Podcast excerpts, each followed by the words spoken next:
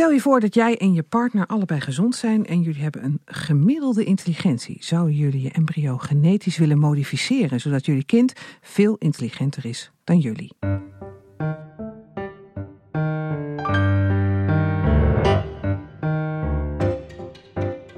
De podcast Theologie gaat over wat er vandaag speelt in kerk en theologie. En dit is uh, de eerste aflevering van deze podcast. We willen delen, inspireren en verdiepen. Mijn naam is Elsbeth Guteke en mijn vaste sidekick is Mark de Jager.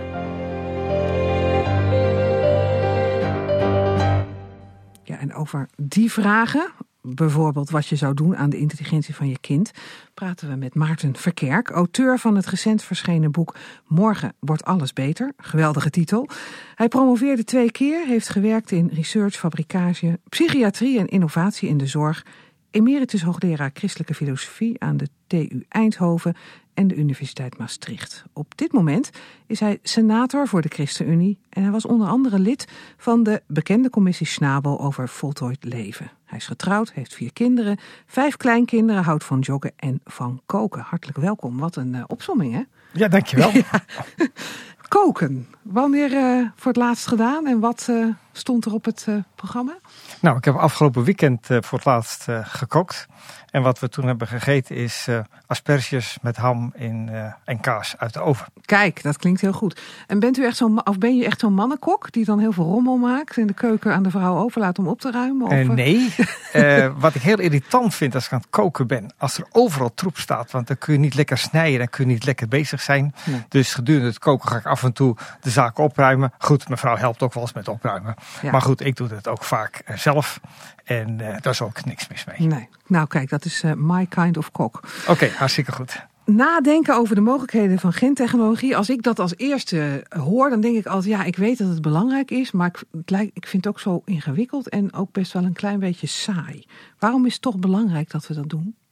Nou, weet je, het is een uh, wetenschappelijke ontwikkeling die ongelooflijk veel mogelijkheden geeft. Die geeft mogelijkheden om in te grijpen in onze genen, in ons DNA, in ons erfelijke materiaal. En een van de belangrijke toepassingen daarvan is dat we erfelijke ziekten zouden kunnen genezen. Of dat we ook mensen met kanker, met bepaalde type gentherapieën, dat we die kunnen genezen. Hm. Dus deze ontwikkelingen hebben geweldig potentieel. Ja, dus we kunnen er niet omheen eigenlijk. We kunnen er niet omheen. Om het eens even te definiëren, wat is het, gentechnologie? Wat moeten we ons daarbij voorstellen? Waar hebben we het over?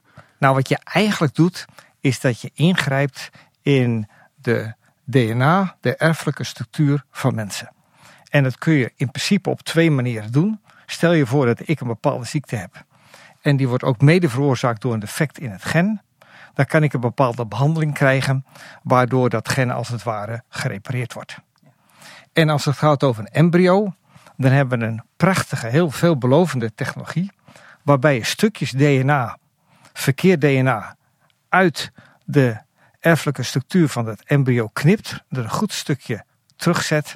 En zo, dat is de gedachte, dat je dan een embryo krijgt wat op gezonde wijze zich zal kunnen ontwikkelen. Ja. En, en betekent dat dan ook dat uh, als ik heel graag kinderen met bruine ogen zou willen, dat ik dus ook hun DNA, bij wijze van spreken, straks kan veranderen en dat ze krijgen andere kleur ogen of ik wil zelf heel graag kunnen hardlopen, dat ik mijn DNA zo verander dat ik opeens razend sportief word? Of gaat het niet zo ver?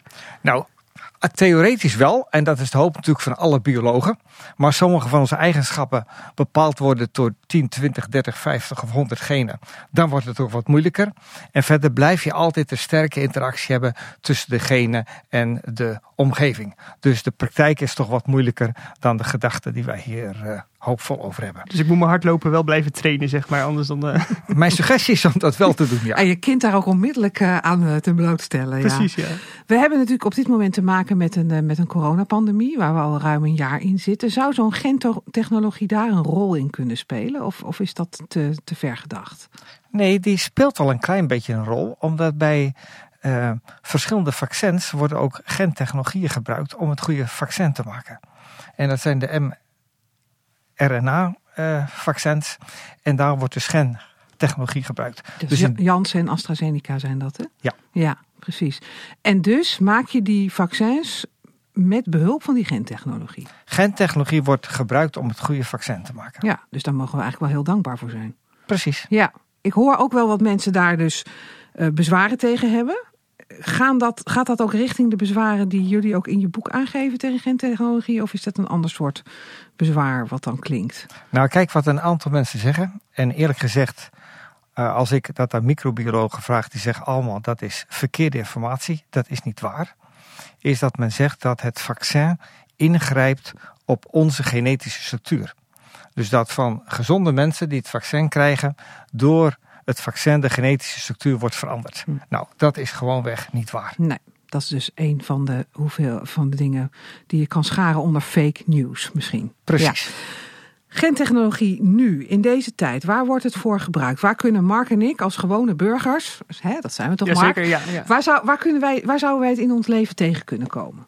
Nou, een van de manieren waarbij het in je leven tegen zou kunnen komen, dat als je bepaalde type kankers hebt, die ook mede veroorzaakt worden door bijvoorbeeld spontane verandering in de genetische structuur van de mens, dat er dan therapieën zijn waarbij je die kanker kunt bestrijden. Ja. En dat kan niet met een aantal huidige therapieën. Nee, dus dat is al iets, mochten wij zo'n kankervorm krijgen, daar zouden we heel blij mee kunnen zijn. Daar kun je inderdaad heel blij mee zijn. Ja. Zijn er nog andere momenten in ons leven waarin we het tegen kunnen komen? Er zijn ook bepaalde andere ziekten rond hart- en vaatziekten en nog andere ziekten waarbij dat ook mogelijk is. Ja. Maar ik weet dat niet precies. Hoe nee, dat, dat, uh, dat voert te ver. Dat voert te technisch. Dus op dat vlak wordt het ingezet. Waar ja. zien we het nog meer in de samenleving? Of nou, de er wordt nu ook breed ingezet op onderzoek doen naar uh, wat, wat ze noemen kiembaantechnologie. Dat is dus ingrijpen in de genetische structuur van embryo's. En daar ook verkeerde genen of genen die een bepaalde ziekte veroorzaken, uh, om die eruit te knippen en dan daar een gezond gen in te zetten. Ja. Dat is een andere toepassing. Ja, dat klinkt best wel revolutionair allemaal. En is het dan zo dat in het onderzoek er heel veel aandacht is voor wat is er allemaal mogelijk? Of hebben de vragen die ook in jouw boek naar voren komen, de ethische vragen, de theologische vragen, hebben die ook een plek daarin? Of is de focus eigenlijk alleen maar, als je naar de wetenschap kijkt, op wat er allemaal mogelijk is? Nou, wat heel leuk is, voor ons boek hebben we, uh, hebben op een gegeven ogenblik is het gelukt om via een andere auteur twee vooraanstaande wetenschappers in dit veld te interviewen. En we hebben hen gevraagd, joh, wat gebeurt er allemaal in jouw vakgebied? En we hebben hen gevraagd van nou, waar zie jij ook ethische en morele grenzen? En dan zie je dat allebei die wetenschappers heel betrokken zijn bij patiënten. Wij willen patiënten helpen maar zich ook beseffen dat er ethische grenzen zijn. En dat je soms ook als beroepsgroep de vraag moet stellen: moeten we dit nou wel doen of moeten we dit nou niet doen? Ja, dus het zijn niet alleen maar kille klinische wetenschappers die in hun, uh, hun blinkende laboratoria, zo stel ik me dat dan voor, alleen maar met de techniek bezig zijn. Ze denken ook echt wel na over de ethische vragen die dat uh, omringt. Nou, het zijn ongetwijfeld, het zijn zeer intelligente wetenschappers en zeker ook in blinkende laboratoria. Maar zij stellen zich ook echt die vragen. Want ga bijvoorbeeld kijken naar kiembaantechnologie. Ja, dat klinkt zo. Kiembaantechnologie? Ja, nou dat heeft te maken dat je met een bepaald stadium van het embryo, dat je dan een verandering in de genetische structuur aanbrengt. Mm -hmm. ja. De genetische informatie. Ja. Uh, stel je voor dat je gewoon op één plek een gen eruit wil knippen wat voor een bepaalde ziekte zorgt. Maar als op andere plaatsen in onze DNA structuren zijn die heel sterk lijken op dat gen, dan zou daar ook iets weggeknipt kunnen worden. Mm. En nog op meerdere plekken. Mm -hmm. Nou, dan is gewoon de vraag, als je dan op al die plekken een gezond gen zet, wat betekent dat voor de totale genetische structuur en wat betekent dat voor de uitgroei van het embryo? Ja. Het is een beetje als een, als een IKEA-kast die je in elkaar zet en waarbij als je één schroefje verkeerd zet, dat ook op allerlei andere plekken dingen gaan veranderen. Zo klinkt het tenminste een beetje als je het zo beschrijft. Nou, als je dat beeld wil gebruiken, ja, dat Ja. gebeurt er. En dat betekent dat als je de vraag stelt, wat is de ethische verantwoordelijkheid? En wij spreken hier over het motief van voorzichtigheid. Van wees heel voorzichtig, want je bent bezig met in te grijpen in de menselijke, in de genetische structuur van mensen. We zeggen niet dat het niet mag, maar we zeggen wel, wees ongelooflijk voorzichtig, want je gaat iets veranderen wat het leven van het kind wat uit dat embryo groeit en van die volwassenen later volledig kan bepalen. Ja. Nou, over die bezwaren komen we ook in het tweede deel van dit gesprek nog, uh, nog te spreken. Maar even nog een, een laatste vraag ter afronding van dit eerste deel. Tot nu toe hoor ik eigenlijk alleen maar voordelen. We kunnen ziektes bestrijden, we kunnen defecten in embryo's herstellen. Uh, we kunnen zorgen dat er vaccins komen tegen corona.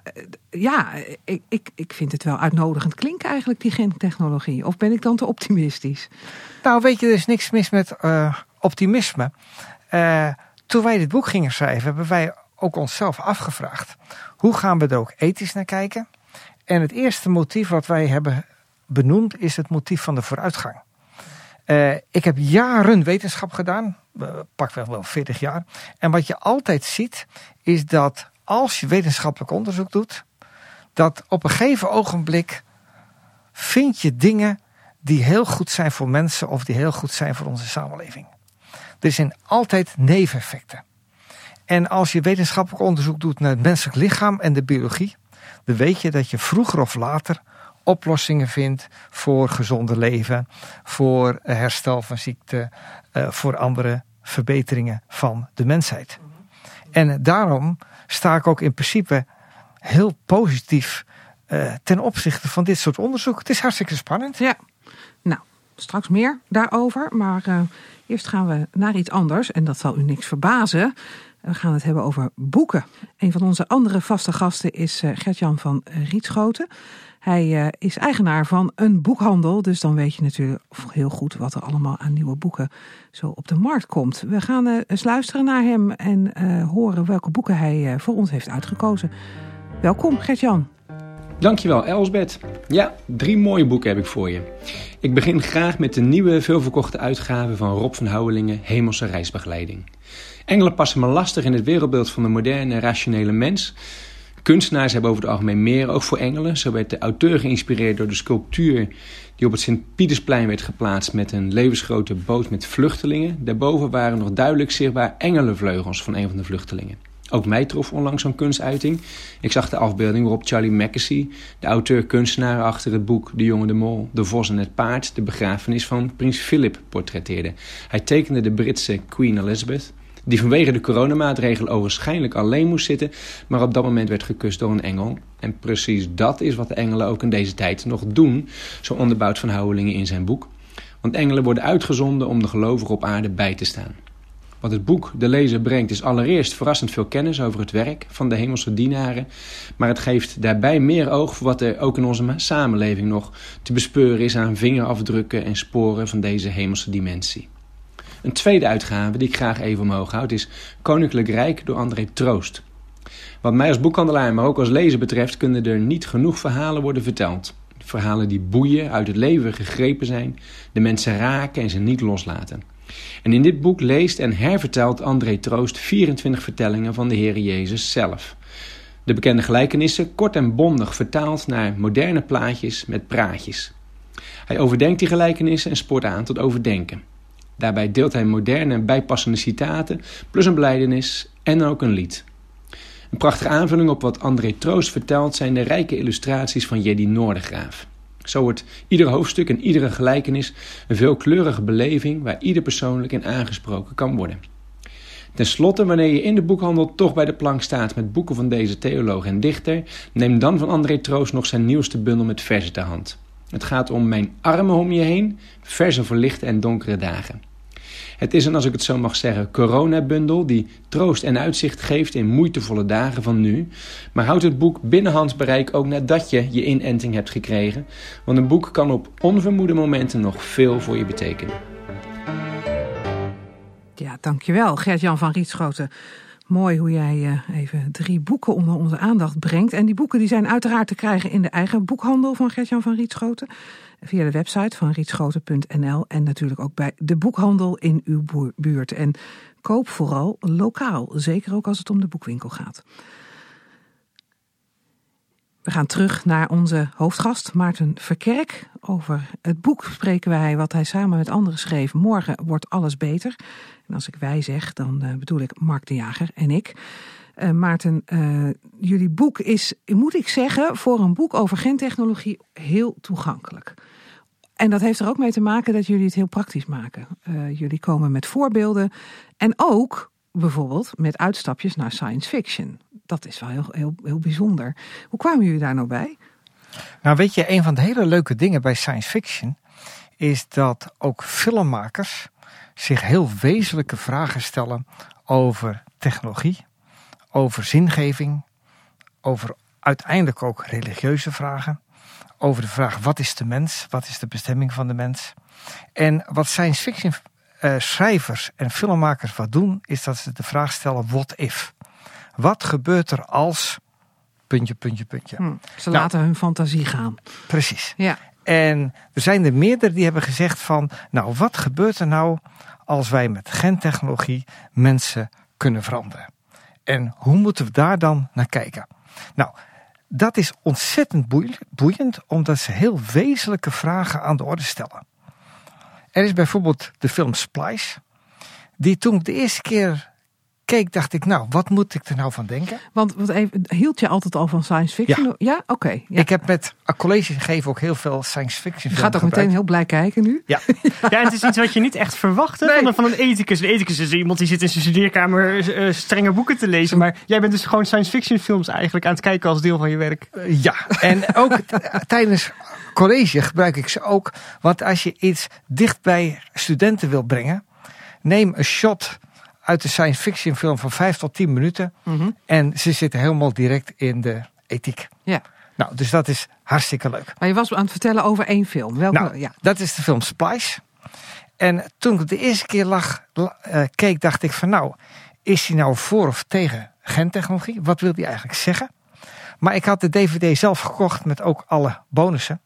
Met ook interviews met de director, met de filmmaker en ook de acteurs.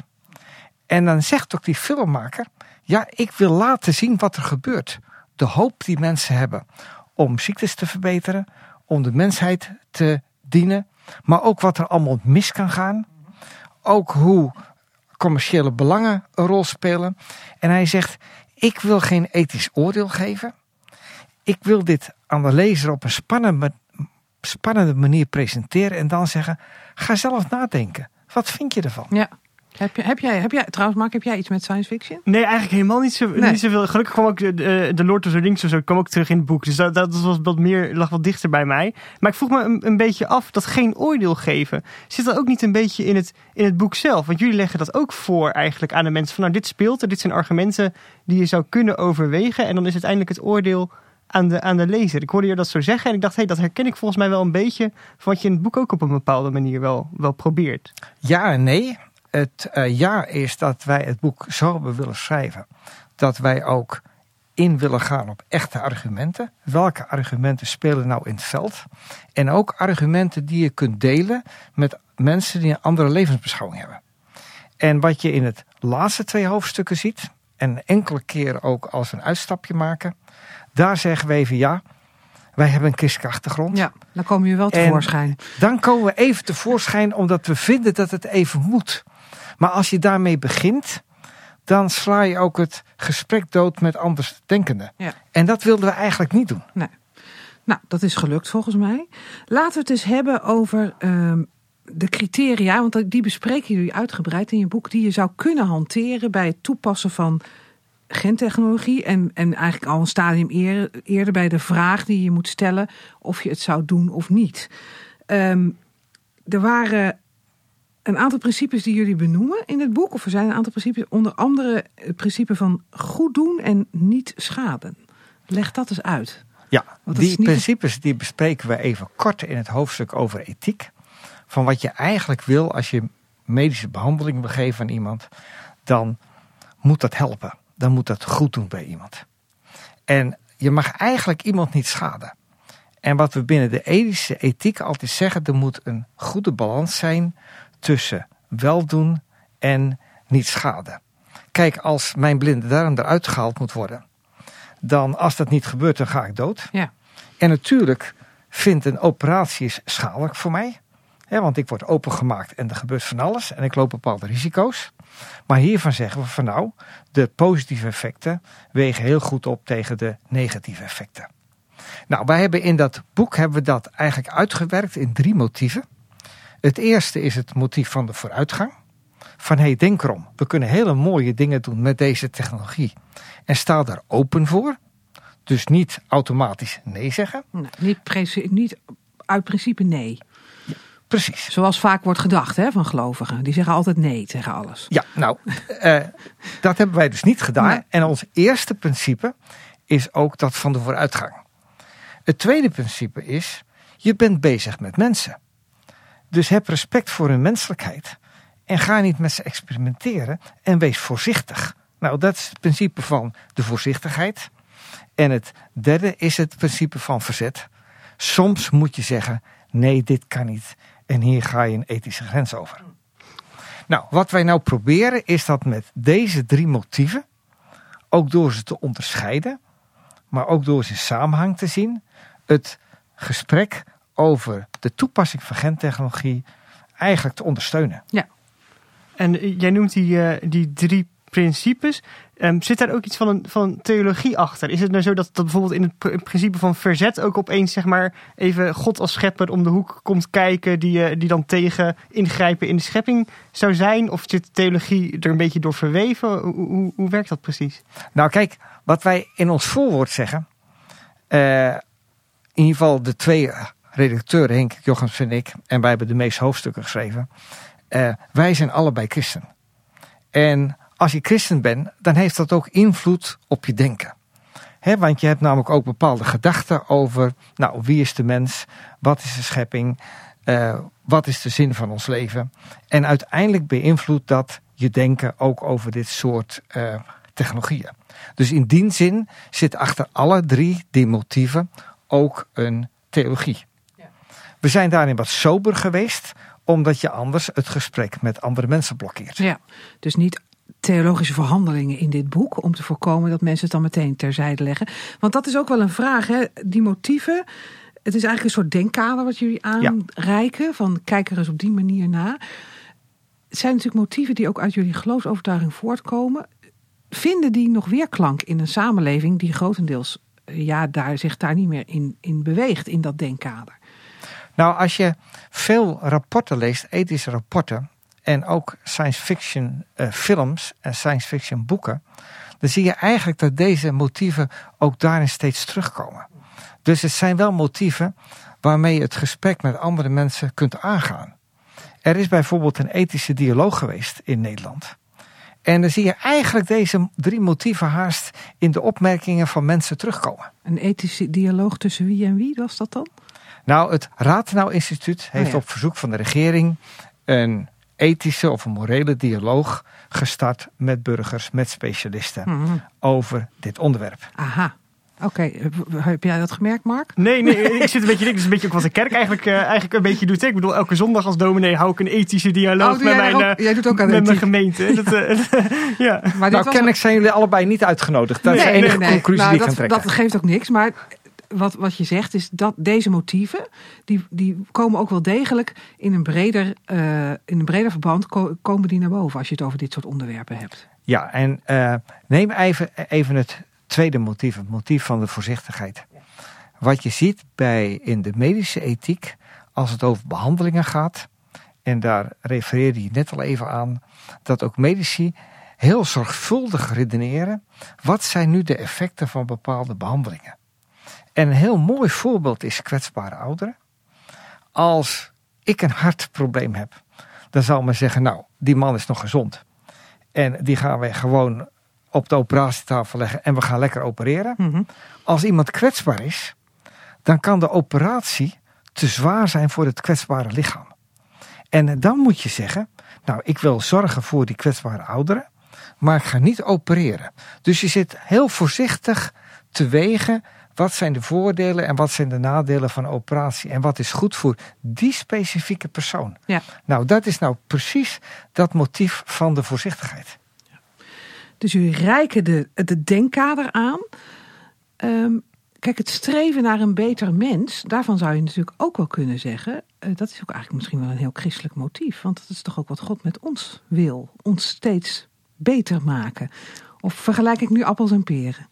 Ik zie Nou, een kijk. lachje waarvan Ja, kijk. denk, Nou, kijk, als een theoloog mij dit, eh, de vraag stelt, dan zou je kunnen zeggen: Nou, gaat het om de vernieuwing van de mens? Hè? Dat de mens niet meer vol zonde zit. Ja. Dat de mens gewoon heel respectvol met God de Schepper omgaat. Met zijn medemensen omgaat. Nou, tot bloei komt. tot bloei komt. Nou, ik ben me niet bewust dat we daar al geen technologie voor hebben. dat we dat eh, realiseren. Eh, wat je wel ziet in science fiction films, ook de gedachte dat je zo de mens kunt manipuleren. Dat hij bijvoorbeeld veel harder eh, kan lopen, veel sterker is, et cetera, et cetera.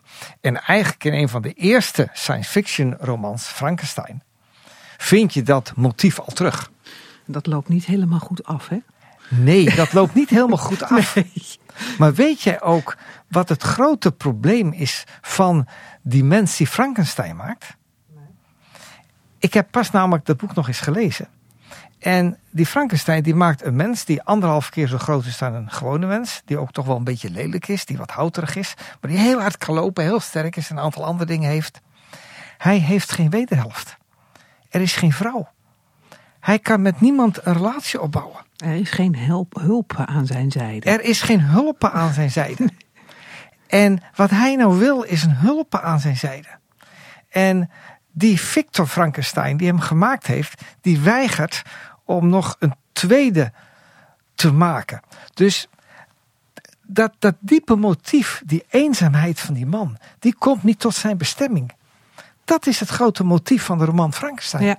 En dat raakt denk ik ook wel een beetje aan een van de vragen die jullie ook rondom gentechnologie misschien wel eh, eh, bespreken. En dat is dat het soms best lastig is om te, te bepalen ook wat kwaad is. Hè, dus eh, kijk, bij, bij, bij een ziekte als Huntington of bij bepaalde kankers kan je wel aanwijzen van wacht even, dit willen we graag uit de, uit de wereld helpen. Maar als je daadwerkelijk over het verbeteren van eigenschappen hebt, of over het uitbannen van bepaalde genetische eigenschappen of geestesziektes of, of wat dan ook, dan wordt het opeens een stuk ingewikkelder van wanneer is iets nog echt een verbetering of wanneer grijp ik, grijp ik eh, overbodig zeg maar, zeg maar in.